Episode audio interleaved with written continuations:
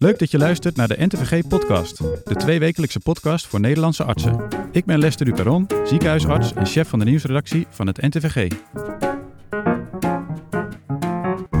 Omdat Job en Anne allebei op vakantie zijn, ben ik jullie host voor deze aflevering, die weer vol zit met interessant en opvallend nieuws uit de recente nummers van het NTVG. In deze aflevering hoor je bijvoorbeeld over wat er anders moet in de dermatologieboeken. Ja, bepaalde aandoeningen die kunnen er toch anders uitzien of een iets andere etiologie hebben bij verschillende patiënten van verschillende bevolkingsgroepen of die een andere huidskleur hebben. De hoogtepunten uit de recente internationale medische literatuur, behandeld door ons vaste duidingsduo Tim en Ernst Jan. Vandaag bespreken Ernst Jan en ik het effect van zoutsubstitutie op de bloeddruk. We bespreken het effect van het aanbod op het maken van gezondere keuzes. Maar we beginnen met een nieuw wapen tegen LDL. En over het gebrek aan zelfvertrouwen bij huisartsen in opleiding om musculoskeletale injecties toe te dienen. En die heeft dus onderzocht dat 1 op de 5 huisartsen uit dit onderzoek zich eigenlijk minder bekwaam achten om injecties uit te voeren. We beginnen met de rubriek Wat hoor ik daar? Het spel waarin je de betekenis van geluiden met een geneeskundige link mag raden. Ik ga het geluid laten horen en later deze aflevering hoor je wat het was. Daar komt het.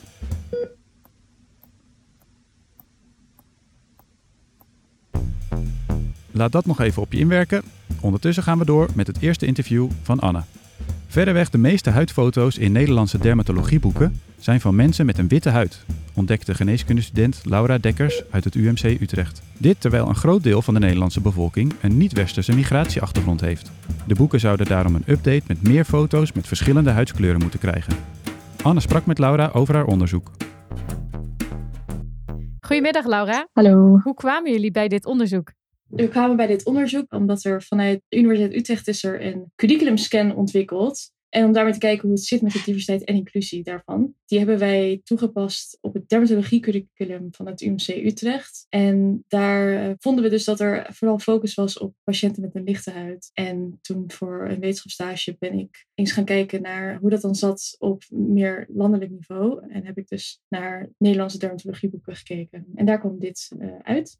En ik begreep dat dat de eerste Nederlandse studie was naar dit onderwerp, toch? Ja, voor zover ik heb kunnen terugvinden, is dat inderdaad de eerste studie. Ja. En waarom is die diversiteit in de boeken zo belangrijk? Ja, bepaalde aandoeningen die kunnen er toch anders uitzien of een iets andere etiologie hebben bij verschillende patiënten van verschillende bevolkingsgroepen of die een andere huidskleur hebben. En dat kan ook best wel gevolgen hebben als je dat niet leert, want dan kan je misschien dingen niet goed herkennen. En Heb je daar een voorbeeld van? Ja, een goed voorbeeld is bijvoorbeeld als we kijken naar huidmaligniteiten. Je hebt natuurlijk uh, melanoom, dat is dan toch wel de meest dodelijke van de huidmaligniteiten. En nou, dit soort cijfers zijn er niet echt in Nederland, maar als je kijkt naar de Verenigde Staten, dan krijgen witte mensen die krijgen veel vaker melanoom dan bijvoorbeeld zwarte mensen. Maar zwarte mensen hebben wel veel slechtere overlevingscijfers, veel meer mortaliteit en morbiditeit wanneer zij melanoom ontwikkelen dan witte patiënten. De vijfjaars overleving van zwarte patiënten met melanoom is daar maar 74 procent. Terwijl die voor witte patiënten ongeveer 93% is. Dus daar zit best wel veel verschil in. En die zwarte patiënten met melanomen in de VS, die,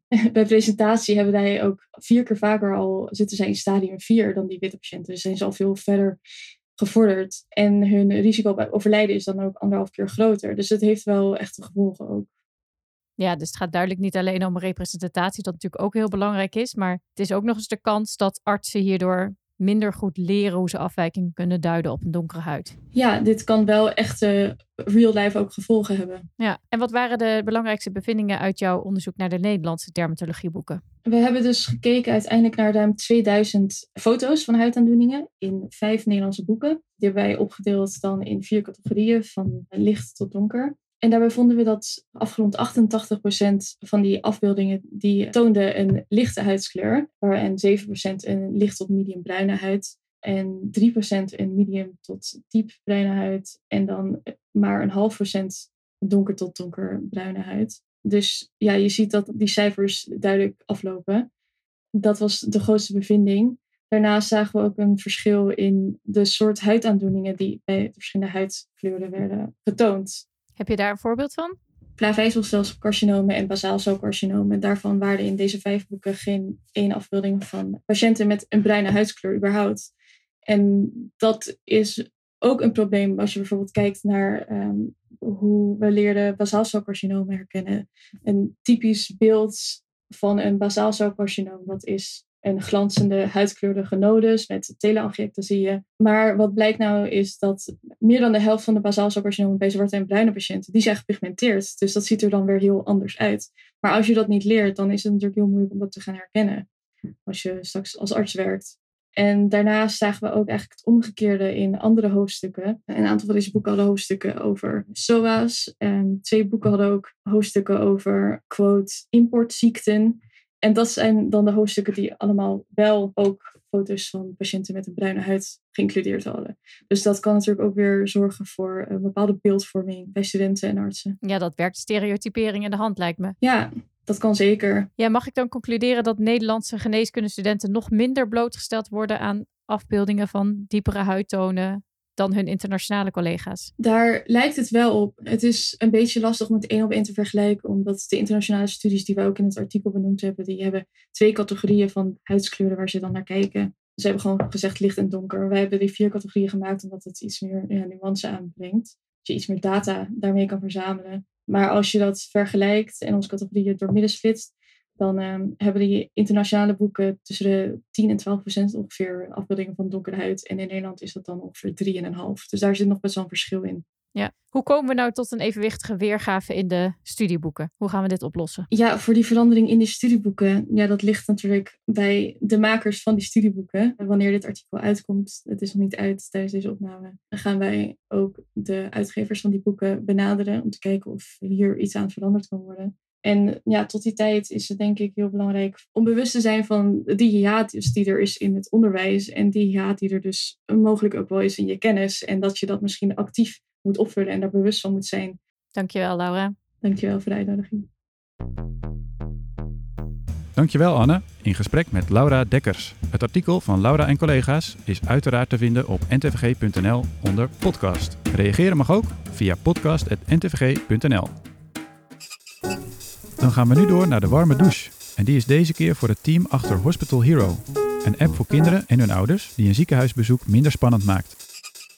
Het idee achter Hospital Hero won in 2017 al de prijs voor beste innovatie uit de regio Leiden tijdens Dutch Hacking Health en is na verdere ontwikkeling sinds kort ook beschikbaar voor andere ziekenhuizen. Ik belde met een van de initiatiefnemers, kinderverpleegkundige Nicole Donkel. Hey Nicole, gefeliciteerd. Jullie initiatief werd een aantal jaar geleden al met een innovatieprijs beloond en sinds kort zijn jullie er ook echt op grotere schaal mee aan de slag, hè? Kun je eerst eens vertellen waar het idee van Hospital Hero vandaan kwam? Zeker, ja. Ja, ik ben kinderverpleegkundige in het uh, Willem-Alexander Kinderziekenhuis in Leiden, in het LUMC. En in mijn werk kwamen we veelvuldig tegen dat kinderen de behandelingen angstig vonden en stress ervaarden. En veel wordt de voorbereiding in het ziekenhuis gedaan. En ja, wij hadden het idee om dat naar de thuissituatie te brengen, om zodoende ook angst en stress te verminderen en kinderen een plezierige ziekenhuisbezoek te kunnen geven. Ja, wat mooi. Hey, en ik heb die app even bekeken en die ziet er echt prachtig uit. Met mooie modules zoals het weeg- en meetspel en dokter Lustus Spruitjes. Echt schitterend. Kun je ons, ons eens meenemen in de reis die kinderen met, en hun ouders hè, uh, dan met jullie app maken? Ja, zeker, zeker. Kinderen kunnen dus de app in de thuissituatie downloaden, zodat ze een rondreis alvast door het ziekenhuis kunnen maken, wat ervoor zorgt dat het onbekende bekend wordt voor kinderen. Ze kunnen met het wegen-meetspel, met de dierenwereld van Naturalis, zeg maar al oefenen. In het aan- en uitkleden, in het uh, op de weegschaal staan. En je had het net over modules. De nieuwste module is Dr. Spruitjes. Uh, waarin kinderen ook hun eigen vragen voor de dokter weg kunnen zetten. Tijdens een van de eerste pilotstudies is dat naar buiten gekomen dat de kinderen zeiden van hoe fijn zou het zijn als ik mijn vragen voor de dokter ook in de app weg zou kunnen zetten. Dat hebben we kunnen realiseren. Hey, en als luisteraars nou uh, denken dat is misschien ook wel wat voor ons ziekenhuis, uh, kan dat dan? Als mensen meer daarover willen weten, kunnen ze naar onze website www.hospitalhero.nl en via een contactformulier komen we graag met jullie in gesprek voor een oriënterend gesprek en wat er wensen daar en eventueel zijn. Nicole, heel veel dank voor dit gesprek en heel veel succes en ook plezier bij de verdere ontwikkeling van jullie app. Dankjewel dat we in jullie uitzending mochten komen. En dan is het nu tijd voor onze ongekroonde helden die naast hun drukke artsenbaan tijd maken om de mondiale medische literatuur voor ons door te spitten. Host van de House of Podcast, Tim Dekker en Ernst-Jan van het Woud. Mannen, wat willen jullie deze keer met ons delen? Nou, Lester, uh, niet minder dan weer de meest relevante en interessante medische literatuur van het laatste uur. Vandaag bespreken Ernst-Jan en ik het effect van zoutsubstitutie op de bloeddruk, We bespreken het effect van het aanbod op het maken van gezondere keuzes. Maar we beginnen met een nieuw wapen tegen LDL. Ernst-Jan, je hebt een artikel gelezen van Nisse en collega's in de New England Journal of Medicine. Nou, wat kun je de luisteraars daarover vertellen?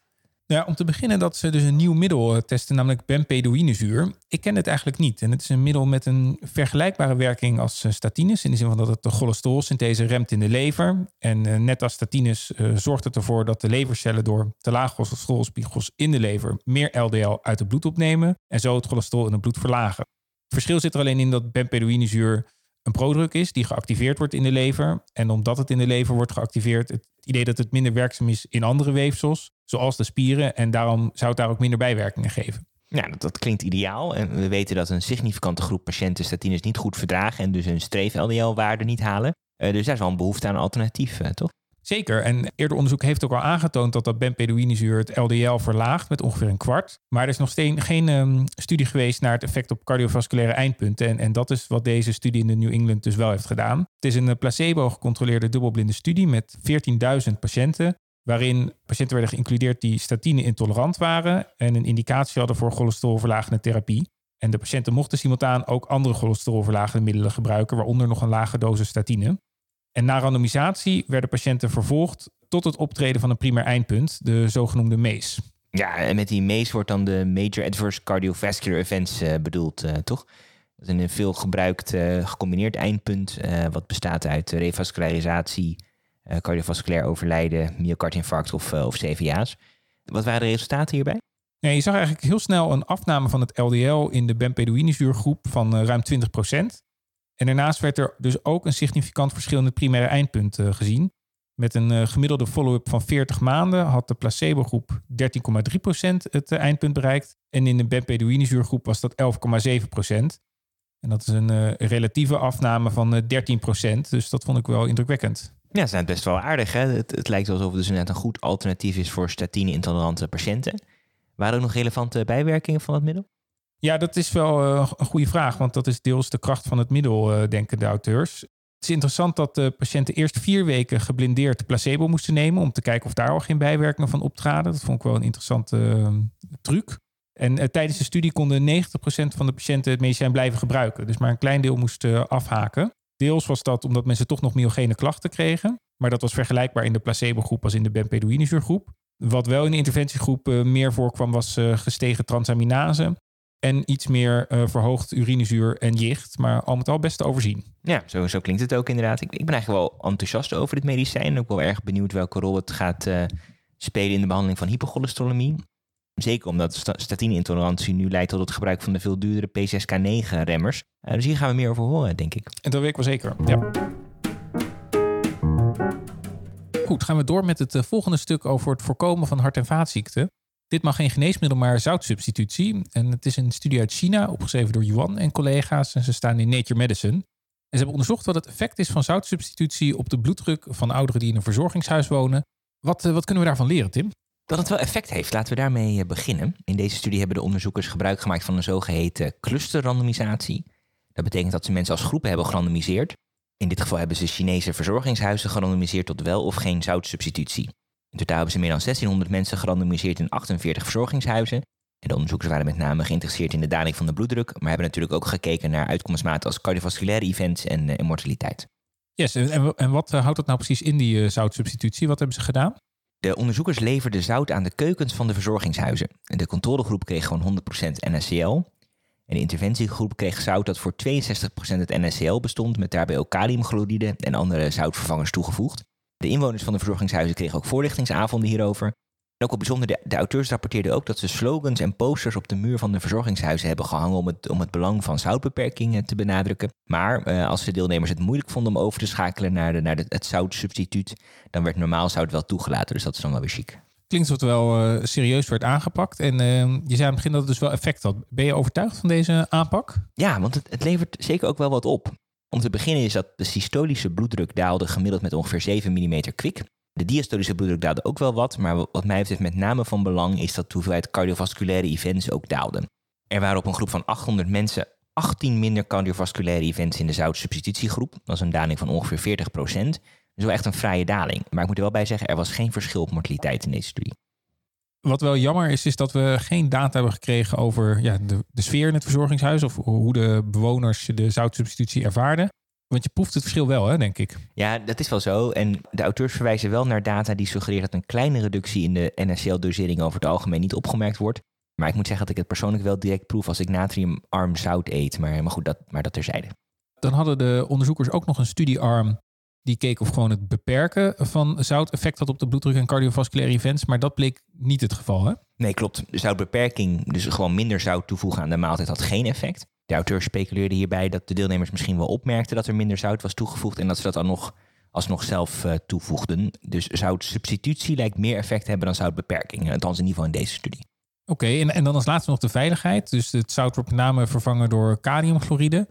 Kan het nog eh, gevaarlijk zijn om dat extra kalium eh, toe te dienen aan deze toch wel kwetsbare populatie? Dat lijkt op zich wel mee te vallen. De kaliumwaarden waren over het algemeen wel wat hoger in de interventiegroep. Um, en er was ook wel een toename van de hoeveelheid hyperkaliemie van ongeveer 4,5 procent. Maar het leek geen schadelijke gevolgen te hebben. Dus ik denk niet dat we daar ons heel veel zorgen over hoeven te maken. Dus over het geheel genomen ben ik wel enthousiast. Maar ik, ik hoop alleen dat de deelnemers dat ook waren.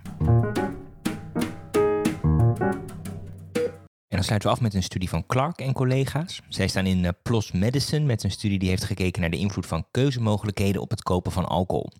In deze studie werd gekeken naar mensen die regelmatig alcohol dronken en dat ook online kochten. En vervolgens werden de deelnemers gerandomiseerd tussen verschillende groepen die een ander online aanbod aan drank kregen voorgeschoteld. Zo bestond het assortiment voor sommige mensen uit 25% alcoholische dranken en 75% non-alcoholische dranken. Maar voor een andere groep was het maar liefst 75% van het aanbod alcoholisch. En uit het onderzoek bleek dat dit een goed effect had. Namelijk mensen die minder aanbod hadden aan alcoholische dranken, kochten ook minder alcohol. Met best een mooie reductie. Dus ik, ik ben eigenlijk wel overtuigd. Ja, ik ook wel. Het was echt wel leuke data die uh, laat zien dat het aanbod dat je mensen geeft ook een reële invloed heeft op uh, de keuzes die ze maken. En dat kan je natuurlijk breder trekken naar andere gebieden als het gaat om gezonde keuzes maken. Dus wat mij betreft ook een goed startpunt voor verder onderzoek. En ook interessant om mee te nemen in de maatschappelijke discussie over gezonde leefstijl. Dat was het voor ons vandaag. Over twee weken horen jullie weer meer van ons. En de artikelen die we besproken hebben komen uiteraard ook aan bod in de papieren versie van het tijdschrift en op de website. Voor nu terug naar jou, Lester. Bedankt mannen. We horen graag over twee weken weer van jullie. Van het wetenschappelijke nieuws gaan we door naar het antwoord op de vraag: wat hoor ik daar? En het antwoord op die vraag krijgen jullie van Steven Chamulot, hoogleraar en afdelingshoofd cardiologie van het Amsterdam UMC.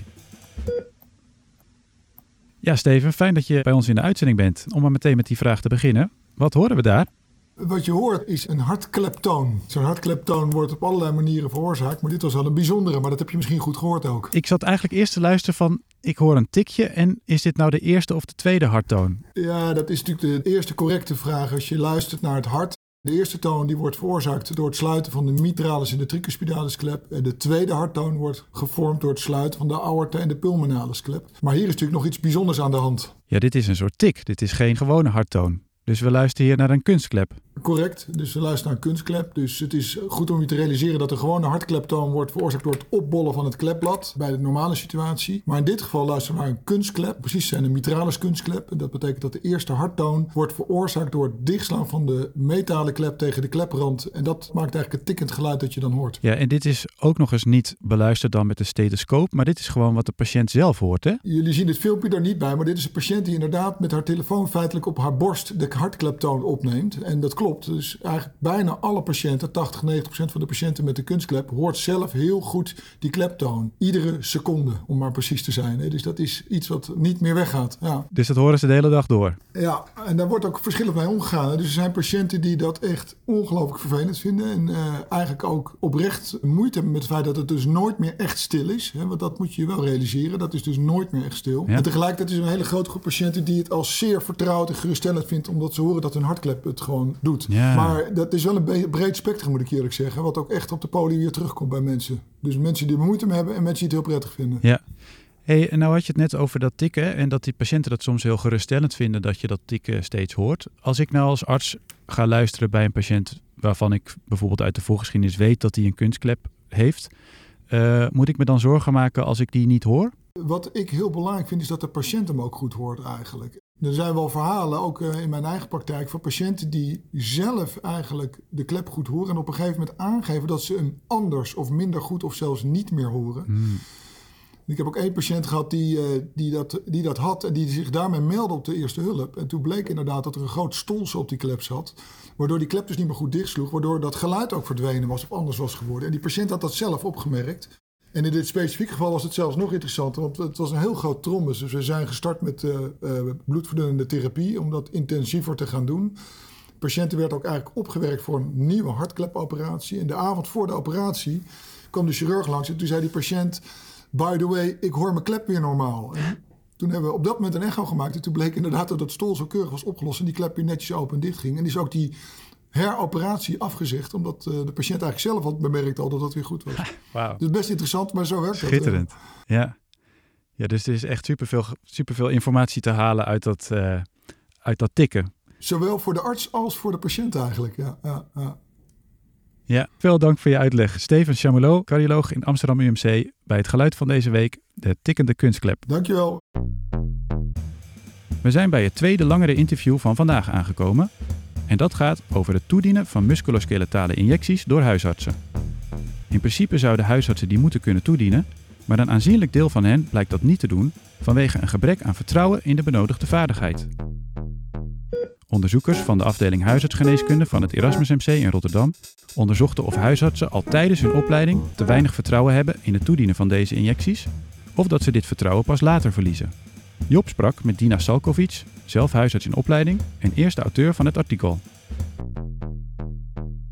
Welkom Dina in de show.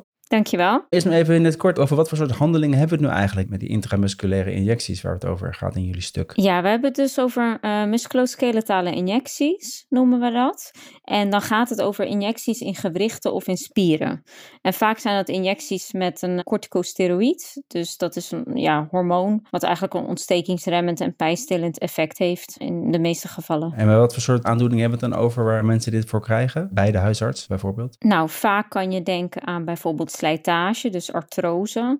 Artrose in de knie of in de schouder. Maar je kan ook denken aan bijvoorbeeld kleinere klachten, dus hand- en polsklachten, carpaaltunnelsyndroom. Voor dit soort aandoeningen kan je die injecties gebruiken. Ja, en in principe mag de huisarts het doen, moet niet, mag wel. Dat klopt. Hoe werkt dat precies? Ja, in de huisartsopleiding zijn een aantal vaardigheden opgenomen die je inderdaad kan leren. En daar zitten ook die musculoskeletale injecties ook bij. Dus dat kan. En de ene huisarts ja, doet dat dus meer dan de andere huisarts. Dat is ook onderzocht recent door mijn collega Emily Spruit, ook van de afdeling huisartsgeneeskunde van het Erasmus MC. En die heeft dus onderzocht dat één op de vijf huisartsen uit dit onderzoek zich eigenlijk minder bekwaam achten om injecties uit te voeren. Dus vandaar dat wij eigenlijk ook ons afvroegen hoe dat zit met de huisarts in opleiding, dus de AIOS. Hoe die die afweging maken om wel of geen injecties toe te passen. Ja, dus dan heb je het eigenlijk over de groep die wel die vaardigheden geleerd heeft maar ze dan in sommige gevallen wel, in andere gevallen niet toedient. Ja, dus uh, we hebben ook bewust gekozen voor artsen in opleiding tot huisarts, omdat die dit soort klachten ook vaak tegenkomen. En dan ook in het laatste jaar van hun opleiding, omdat zij dan ook vaak al wat injecties geleerd hebben en ook nog aan het leren zijn. Dus zij zitten eigenlijk aan het begin van hun carrière en zij gaan straks als huisarts ook die beslissing maken om bepaalde handelingen wel of niet uit te voeren. Ja, en hoe hebben jullie dit nu zelf onderzocht? Nou, voor dit onderzoek heb ik twintig artsen in opleiding tot huisarts geïnterviewd, die dus in het laatste jaar van hun opleiding zaten. Van tevoren hadden wij besloten om dit met behulp van semi-gestructureerde interviews te doen. Dat betekent dat je vooraf eigenlijk al een aantal vragen vaststelt, maar dat verder de respons van de geïnterviewde eigenlijk bepaalt hoe dat het interview verder zich ontwikkelt en hoe ik hierop zou doorvragen. Beetje zoals dit gesprek eigenlijk. Ja, eigenlijk wel. En wat waren nou de meest opvallende en uh, meest tekenende dingen die daaruit kwamen? Nou, de factoren die de AIOS eigenlijk afwogen, er waren veel verschillende factoren die zij meenamen in hun beslissing. Die staan ook in de figuur het tabel van ons artikel. Die factoren hebben betrekking tot de AIOS zelf, hoe die over bepaalde situaties nadenkt, maar ook over de opleiding en de houding van hun opleider, dus degene die hen eigenlijk begeleidt in het laatste jaar. Maar ook wat voor soort injectie het dan om ging en in welke situatie, dus welke soort patiënt heb je eigenlijk voor je op het spreekuur. Maar ook andere andere dingen zoals organisatorische dingen. Hoe is je spreekuur georganiseerd? Heb je daar voldoende tijd voor ingepland en dat soort uh, zaken? En allereerst viel eigenlijk op veel van die factoren die zij meewogen, die waren dus ook niet per se medisch inhoudelijk van aard. Daarnaast was een belangrijke drempel voor de AIOS dat zij in een visieuze cirkel terechtkwamen. Dus als ze zichzelf niet bekwaam achten, dan pasten ze die injecties ook niet vaak toe. En daarmee konden ze hun bekwaamheid ook niet verbeteren. Ja. Stel, ik ben huisarts, ik ben een paar jaar bezig en ik heb inderdaad dat vertrouwen een beetje verloren. Wat kan ik dan nu doen om dat weer te herwinnen? Nou, er zijn cursussen die je kan doen om dit soort injecties ook weer te oefenen. Ik denk dat het ook uh, goed zou zijn als er mogelijkheden zouden zijn om dan ook nog als huisarts, als je al klaar bent en een paar jaar bezig bent, om dan ook met bijvoorbeeld iemand mee te lopen, bijvoorbeeld in het ziekenhuis, om dan echt te kunnen uh, zien en ook zelf te kunnen doen, om die injecties dan weer te oefenen. Want het is echt die bekwaamheid en het blijven oefenen wat dit echt bevordert. Dankjewel. Zoals altijd is het artikel te vinden in de show notes en op de website van het tijdschrift. Dankjewel. Jij ook bedankt. Dankjewel Job. En huisarts in opleiding Dina Salkovic. Wil je meer weten over dit onderwerp? Lees dan het artikel op onze website ntvg.nl. Op naar het laatste onderdeel van de show, de tip van de redactie. En de tip komt deze keer van Rosie Sikkel, basisarts en nieuwsredacteur bij het NTVG. Hey Rosie, fijn dat je er bent. Welke tip heb je voor ons meegenomen? Ja, ik heb dit keer een artikel van Erna van Balen, onze collega van de nieuwsredactie, meegenomen. Getiteld Wie beslist, de patiënt of de dokter? En dat is een artikel over besluitvorming bij kwetsbare patiënten. En in welke mate je met hen samen beslist over behandelrestricties. En in welke mate je als arts daar sturend in moet zijn. Dat artikel is een beschrijving van een gesprek tussen drie artsen die daar ja, ieder eigenlijk een andere smaak in hebben. Aan het woord zijn Trudy van der Weijden, hoogleraar implementatie, richtlijnen en samen beslissen. Hans Westgeest, internist oncoloog en Alexander Cornet, internist, intensivist. En zij staan dus alle drie net wat anders in deze kwestie. Trudy van der Weijden die benadrukt heel erg het belang van het dialoog tussen arts en patiënt. En dat de arts een meer ja, coachende rol heeft en de wensen van de patiënt het liefst zoveel mogelijk meeneemt in de beslissingen die worden genomen. Terwijl Hans Westgeest en Alexander Cornet daar net wat anders in staan. En zij benoemen eigenlijk dat zij het ook wel belangrijk vinden dat benadrukt wordt dat de arts soms ook een wat sturender rol mag hebben in bepaalde situaties. Omdat zij zeggen dat patiënten in sommige situaties niet helemaal kunnen overzien wat de impact van bepaalde behandelingen zullen zijn. En wat eigenlijk een realistisch uh, ziektebeloop is en wat realistische uitkomsten van bepaalde behandelingen zullen zijn. Dus dat zijn uh, ja, weer net wat andere visies daarover. Ik denk dat je dit in het licht moet zien van steeds toenemende populariteit van het samen beslissen. Waarop nu ook ja, toch een beetje een soort tegengeluid komt van we moeten toch ook als arts daar verantwoordelijkheid in nemen.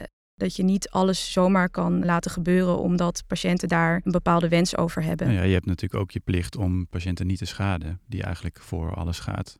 Ja, wanneer schaadt je een patiënt? Het is toch soms toch een makkelijker keuze om iets wel te doen dan iets niet te doen. Ondanks dat je daar een patiënt misschien meer mee schaadt. Dat blijft gewoon een lastig uh, dilemma. Zeker als een patiënt altijd weer ja blijft zeggen op uh, behandeling en altijd door wil gaan. Of de naaste van de patiënt. Inderdaad. En dat je dan als arts daar op een gegeven moment ja, dat toch een halt toe moet roepen. Dankjewel, Rosie. Ja, tot de volgende keer.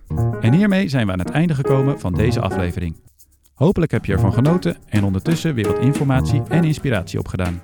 Heb je nou een vraag, opmerking of een suggestie voor een van onze rubrieken? Laat het ons dan weten via podcast.ntvg.nl. Luister je graag naar onze podcast? Tip dan ook je collega's en blijf ons volgen via je favoriete podcastkanaal.